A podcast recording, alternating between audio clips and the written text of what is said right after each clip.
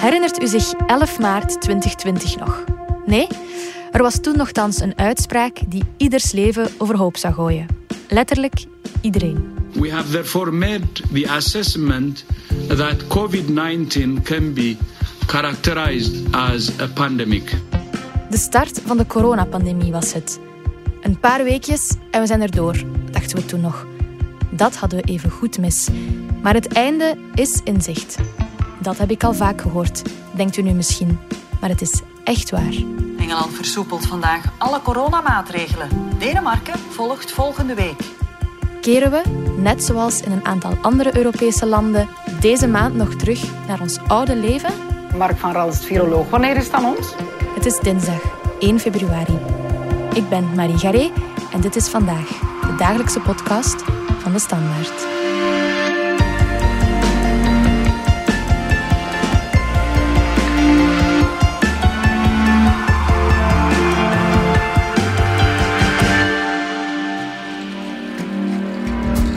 Smet van onze wetenschapsredactie. We doen dit gesprek van op afstand, want je schrijft wel al maanden over corona in al zijn varianten, maar nu heb je je plots toch ook zelf laten verschalken. Ja, ja, ik zit thuis met corona inderdaad. En, uh, ja, het is de eerste keer, dus ik ben een late adopter, moet ik toegeven. Dries, ik durf het bijna niet te zeggen, maar de coronapandemie lijkt stilaan tot een einde te komen. Klopt dat? We hebben in elk geval goede hoop dat we eindelijk ja, weggaan van die pandemie, van die toch wel heel verstorende fase de voorbije twee jaren. Ja, en dat wordt dan een endemie genoemd. Wat moeten we daar juist onder verstaan? Ja, een endemie is eigenlijk een situatie waarin een virus of een, of een ziektemaker in het algemeen wel nog blijft circuleren, maar waarbij het eigenlijk vrij voorspelbaar wordt. Dus waarbij je geen echt grote golven meer krijgt, Ehm, gewoon omdat ja, iedereen die besmet is, die besmet gemiddeld nog één iemand anders. Dus het blijft verder circuleren. Maar je krijgt niet die grote golven die we al verschillende keren gezien hebben. En dan heb je ook niet echt extra maatregelen nodig of zo om dat onder controle te houden in de maatschappij bij een endemie. Dat klopt. Dus ook al heb je geen of weinig maatregelen, toch zie je inderdaad dat je geen grote golven meer krijgt en dat je dus gewoon een, een, virus krijgt of een ziekmaker die blijft circuleren zonder dat je daar eigenlijk sterk moet op ingrijpen. En wil dat dan ook zeggen dat het verloop van de ziekte zelf milder is als je een besmetting hebt? Dat is wat vaak mensen denken. Als men denkt over endemie, zegt men ja, het wordt een griepje of een verkoudheid. Met dan impliciete idee, ja, het zal milder zijn. Maar dat hoeft helemaal niet zo te zijn. Er zijn best wel wat endemische ziektes die zeer dodelijk zijn. Denk aan malaria bijvoorbeeld. Dus malaria is ook vrij voorspelbaar. Wanneer je eh, meer of minder gevallen hebt, dat kan wel van seizoenen afhangen, maar dat is eigenlijk vrij voorspelbaar. En toch is dat heel dodelijk. Als je kijkt naar 2020, had men 600.000 doden. Dus dat, ja, dat, dat hoeft niet zo te zijn dat een endemische ziekte gepaard gaat met een mild eh, ziekteverloop, zeg maar. Zijn er nog zo'n endemische ziektes die we heel hard kennen, maar die wel heel dodelijk zijn? Uh, tuberculose is er zo een. Dat is ook ja, iets wat zeg maar, voorspelbaar circuleert. Is iets minder voorspelbaar omdat je toch iets meer uitbraken hebt bij tuberculose. Maar ook daar uh, waren er in 2020 anderhalf miljoen doden. Dus ook dat is best wel een dodelijke ziekte nog steeds. En hoe zit het met de griep bijvoorbeeld? Eh, de griep is endemisch. In de meeste jaren moeten we dan toevoegen.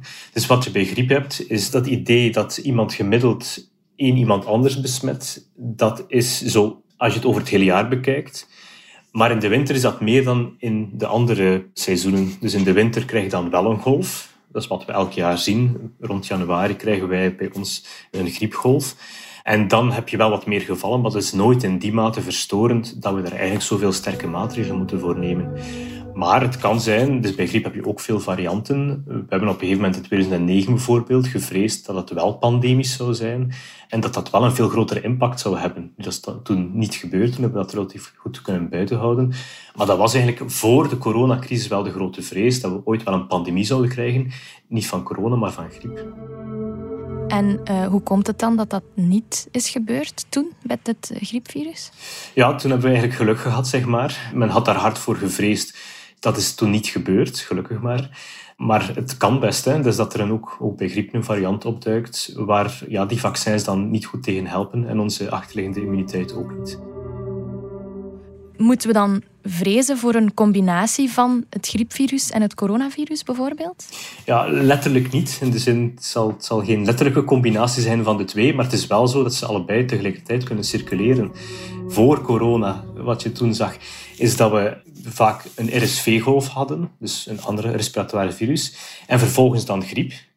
En nu zou het waarschijnlijk zijn dat uh, SARS-CoV-2 zich daar ergens tussen nestelt en dat je bijvoorbeeld eerst uh, RSV krijgt, dan SARS-CoV-2 en dan griep, bijvoorbeeld in die volgorde. Dus het kan zijn in die overlap tussen die fases dat je inderdaad ja, ze allebei kan hebben en misschien ook met allebei besmet kan zijn. Daar gaan we nog veel moeten over leren, over hoe dat die precies samengaan omdat we wat we tot nu toe gezien hebben in de twee griepseizoenen die we al gehad hebben, is dat die er niet geweest zijn. Doordat we zo'n sterke maatregelen namen om corona onder de knoet te houden en griep zeker onder de knoet te houden. En dus vorig jaar hebben we geen griepseizoen gezien. Nu zien we dat nog niet, kan nog komen. Maar dus ja, we zullen moeten leren hoe dat, hoe dat die uiteindelijk zullen samengaan. Ja, en ga je dan ook ernstiger ziek zijn als je die twee virussen tegelijkertijd hebt? Eh, dat kan in principe allebei. Dus je hebt virussen die elkaar tegenwerken, waardoor je immuunsysteem in gang schiet nadat je het eerste gezien hebt, waardoor je het tweede minder sterk krijgt. Je hebt ook uh, ja, twee die samengaan. En griep is eigenlijk al een mooi voorbeeld. De meeste mensen die aan griep uh, sterven, sterven eigenlijk daarna aan een bacteriële infectie. Dus krijgen eerst het virus, worden daardoor zwakker en sterven dan aan een bacteriële longontsteking. Dus dat is een voorbeeld waarbij ze elkaar versterken en waar de uitkomst dan slechter is als je die twee tegelijkertijd krijgt. Dus het is niet zo dat je immuniteit sowieso sterker wordt als je één virus krijgt voor het andere virus dan? Niet per se, maar het kan wel. Dus het kan wel als je lichaam al in een staat van paraatheid gebracht wordt, dat het inderdaad moeilijker wordt voor andere virussen om dat door te dringen. We weten al heel wat over het coronavirus, maar kunnen we ook voorspellen wanneer het echt endemisch is geworden?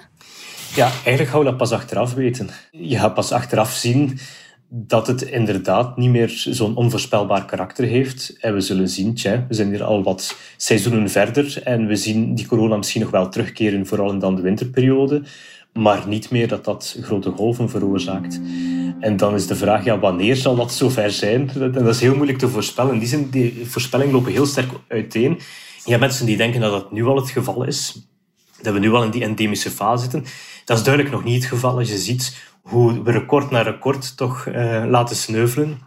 Niet alleen bij ons, maar ook elders. Dus dat is duidelijk, we zitten nog niet in die voorspelbare fase. Maar je hebt er ook die zeggen dat dat nog tien jaar gaat duren, of misschien decennia zelfs gaat duren, omdat je moet wachten tot iedereen het een keer gehad heeft in zijn kindertijd, of meerdere keren gehad heeft.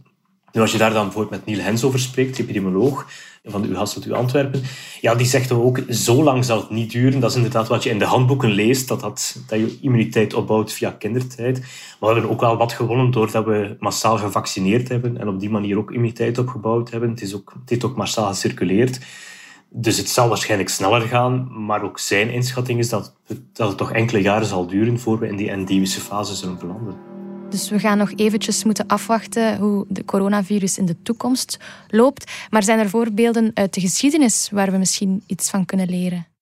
Ja, een heel frappant voorbeeld is eentje uit de 19e eeuw, het einde van de 19e eeuw, dus rond 1889, hebben we mogelijk alleen, ze moeten wel een slag aan de arm houden, mogelijk alleen een coronavirus gehad dat voor een pandemie gezorgd heeft. Oké, ja. dat is een hypothese die Mark van Ranst geuit heeft. Je hebt dus een, eh, een verkoudheidsvirus vandaag, OC43. Dat is een coronavirus, gelijkaardig aan een neefje zeg maar, van het huidige coronavirus dat circuleert. En hij heeft dus aangetoond, op basis van genetisch onderzoek, dat het mogelijk is dat dat toen precies in die periode overgesprongen is van een rund op een mens. Als je kijkt naar de gezamenlijke evolutie van dat virus. En mogelijk was het dus zo dat dat toen voor een pandemie gezorgd heeft. En als je toen naar het verloop kijkt, dat is op zich wel interessant om te zien. Je had toen een golf, eerste golf in 1889, 1890. En dat is daarna een aantal jaar blijven terugkeren. Bijvoorbeeld in het Verenigd Koninkrijk zag je dat dan eh, in 91 opnieuw golf, 92 opnieuw golf.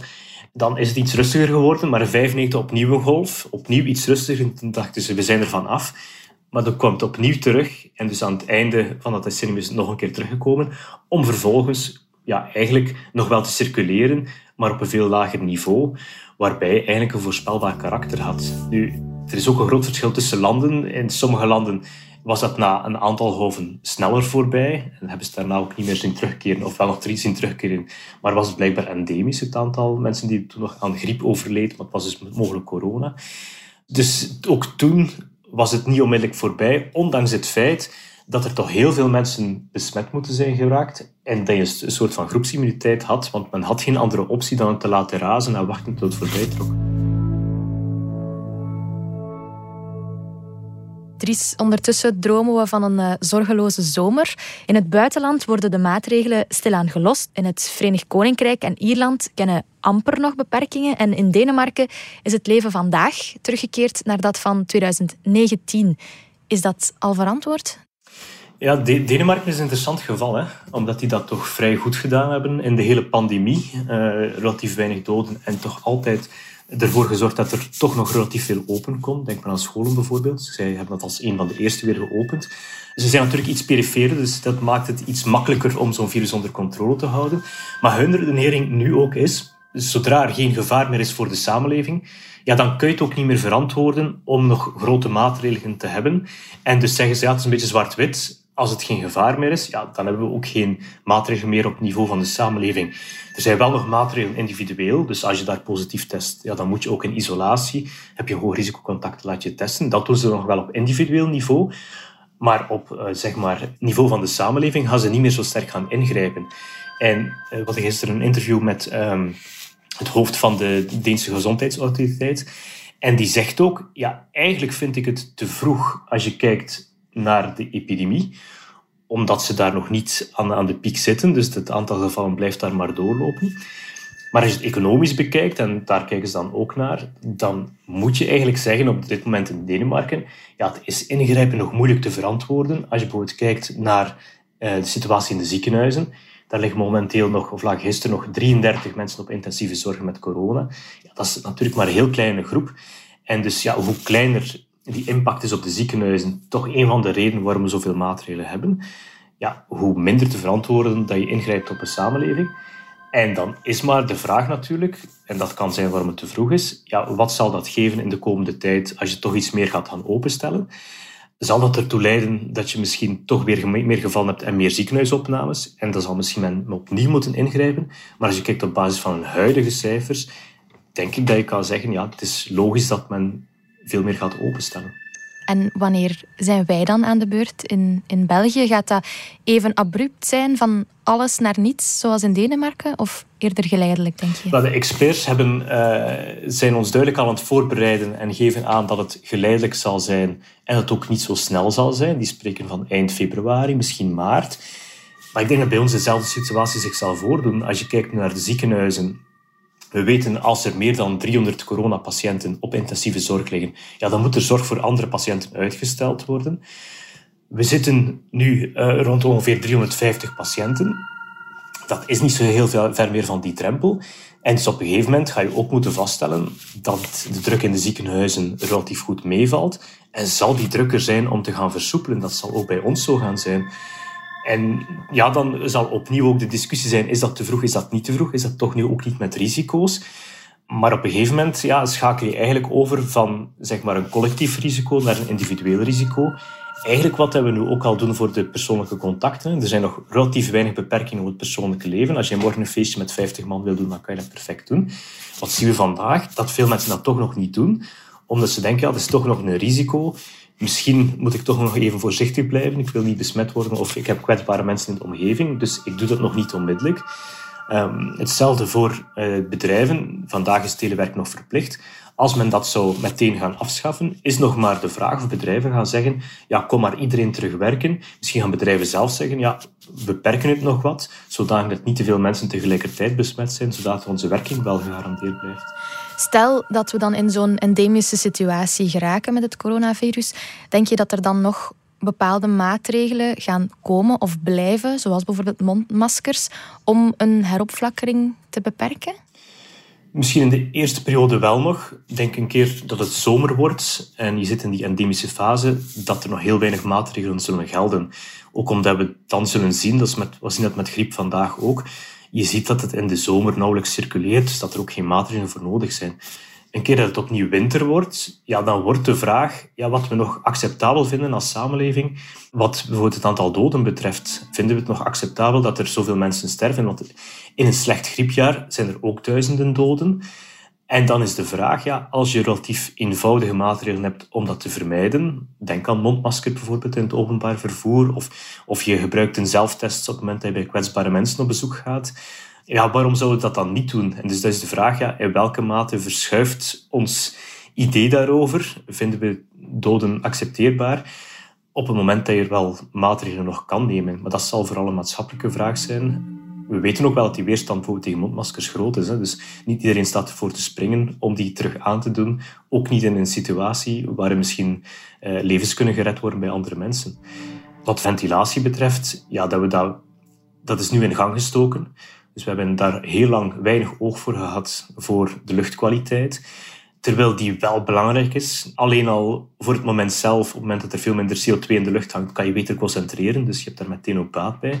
Maar ook voor andere virussen, het feit dat die niet circuleren, is natuurlijk een grote winst als je in een goed verlucht lokaal kan zitten. En het feit dat we dat nu in gang gestoken hebben, dat er overal CO2-meters hangen, dat er meer aandacht voor is, dat zal denk ik iets zijn dat ook wel blijft. En die coronabarometer die is nu nog maar net in voegen, maar zou dat kunnen helpen bij een eventuele heropflakkering? Dat zou zeker kunnen helpen. Al is het zo dat die coronabarometer relatief beperkt is. Het gaat maar om een aantal sectoren.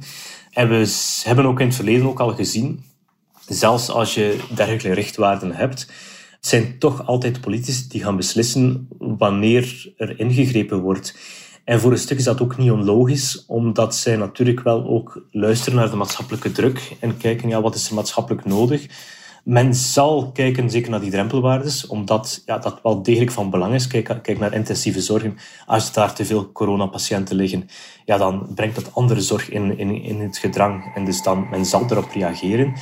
Maar het is nu niet het instrument dat zoveel bijdraagt in de zin, ja, dat wisten we ook al voor die coronabarometer. Bestaat de kans dat er toch weer een andere variant opduikt die even hard toeslaat als bijvoorbeeld de Delta-variant? Die kans bestaat zeker, dus daar moeten we zeker rekening mee houden. We hebben al gezien dat er heel veel mutaties zich kunnen voordoen bij het coronavirus en dat die mutaties ook wel belangrijk kunnen zijn. We hebben veel varianten gehad die zeker een invloed hadden op de epidemie, om het zacht uit te drukken. Denk aan de Britse variant, de Delta-variant, nu de Omicron-variant. We hebben met die Omicron-variant geluk dat dat een mildere variant is. Dat is echt wel een gamechanger in de zin dat de ziekenhuizen nu niet meer gevuld geraken, ondanks het feit dat er heel veel besmettingen zijn op dit moment ook nog.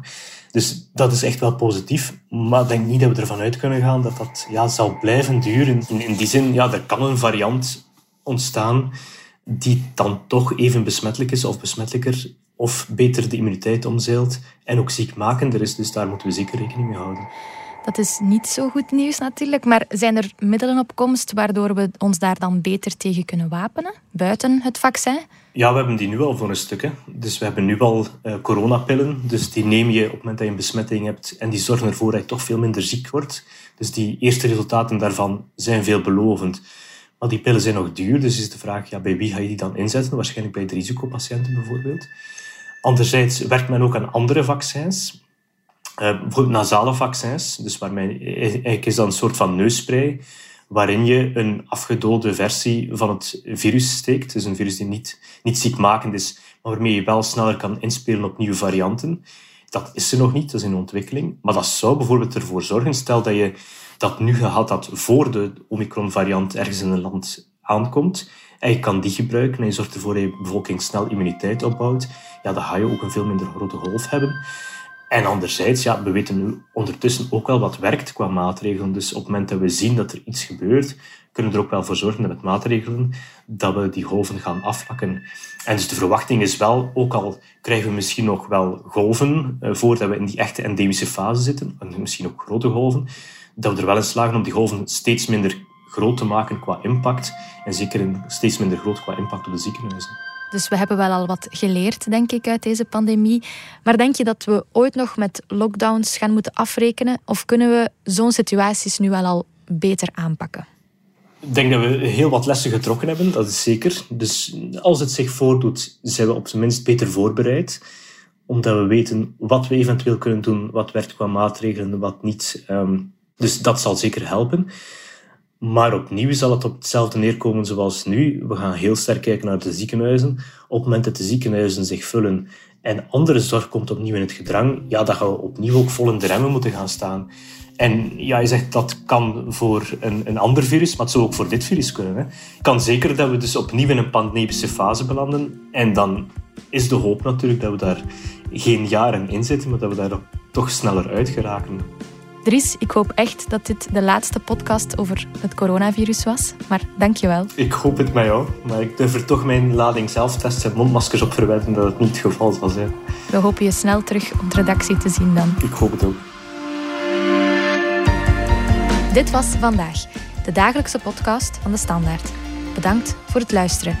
Ken je trouwens DS Podcast al, de podcast-app van De Standaard? Daar luister je niet alleen onze journalistieke reeksen, je krijgt ook elke week een eigenhandige selectie van de beste nieuwe podcasts op de markt. Alle credits van de podcast die je net hoorde vind je op standaard.be/slash podcast. Reageren kan via podcast.standaard.be. Morgen zijn we opnieuw.